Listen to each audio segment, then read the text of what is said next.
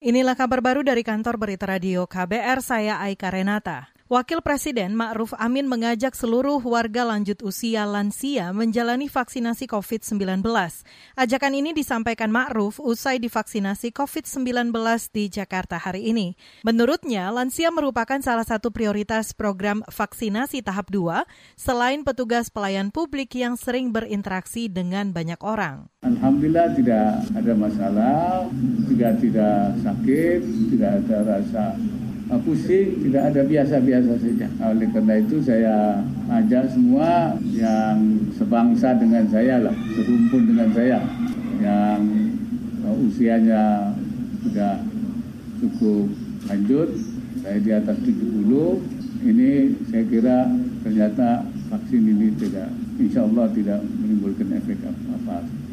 Wakil Presiden Ma'ruf Amin mengatakan dalam pandangan agama, vaksin hukumnya wajib sampai tercapai kekebalan kelompok atau herd immunity. Sebelumnya, Kementerian Kesehatan mencatat 10 persen lansia di Indonesia terinfeksi COVID-19. Dari jumlah itu, 50 persen di antaranya meninggal dunia.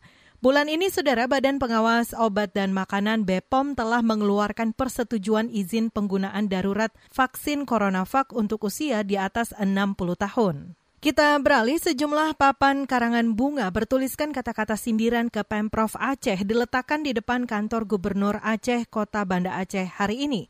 Isinya antara lain ucapan selamat dan sukses karena berhasil menjadikan Aceh provinsi termiskin se-Sumatera. Belum diketahui pasti pemasang papan bunga ini. Seorang warga Aceh, Ahmad, mengaku prihatin dengan kondisi Aceh saat ini.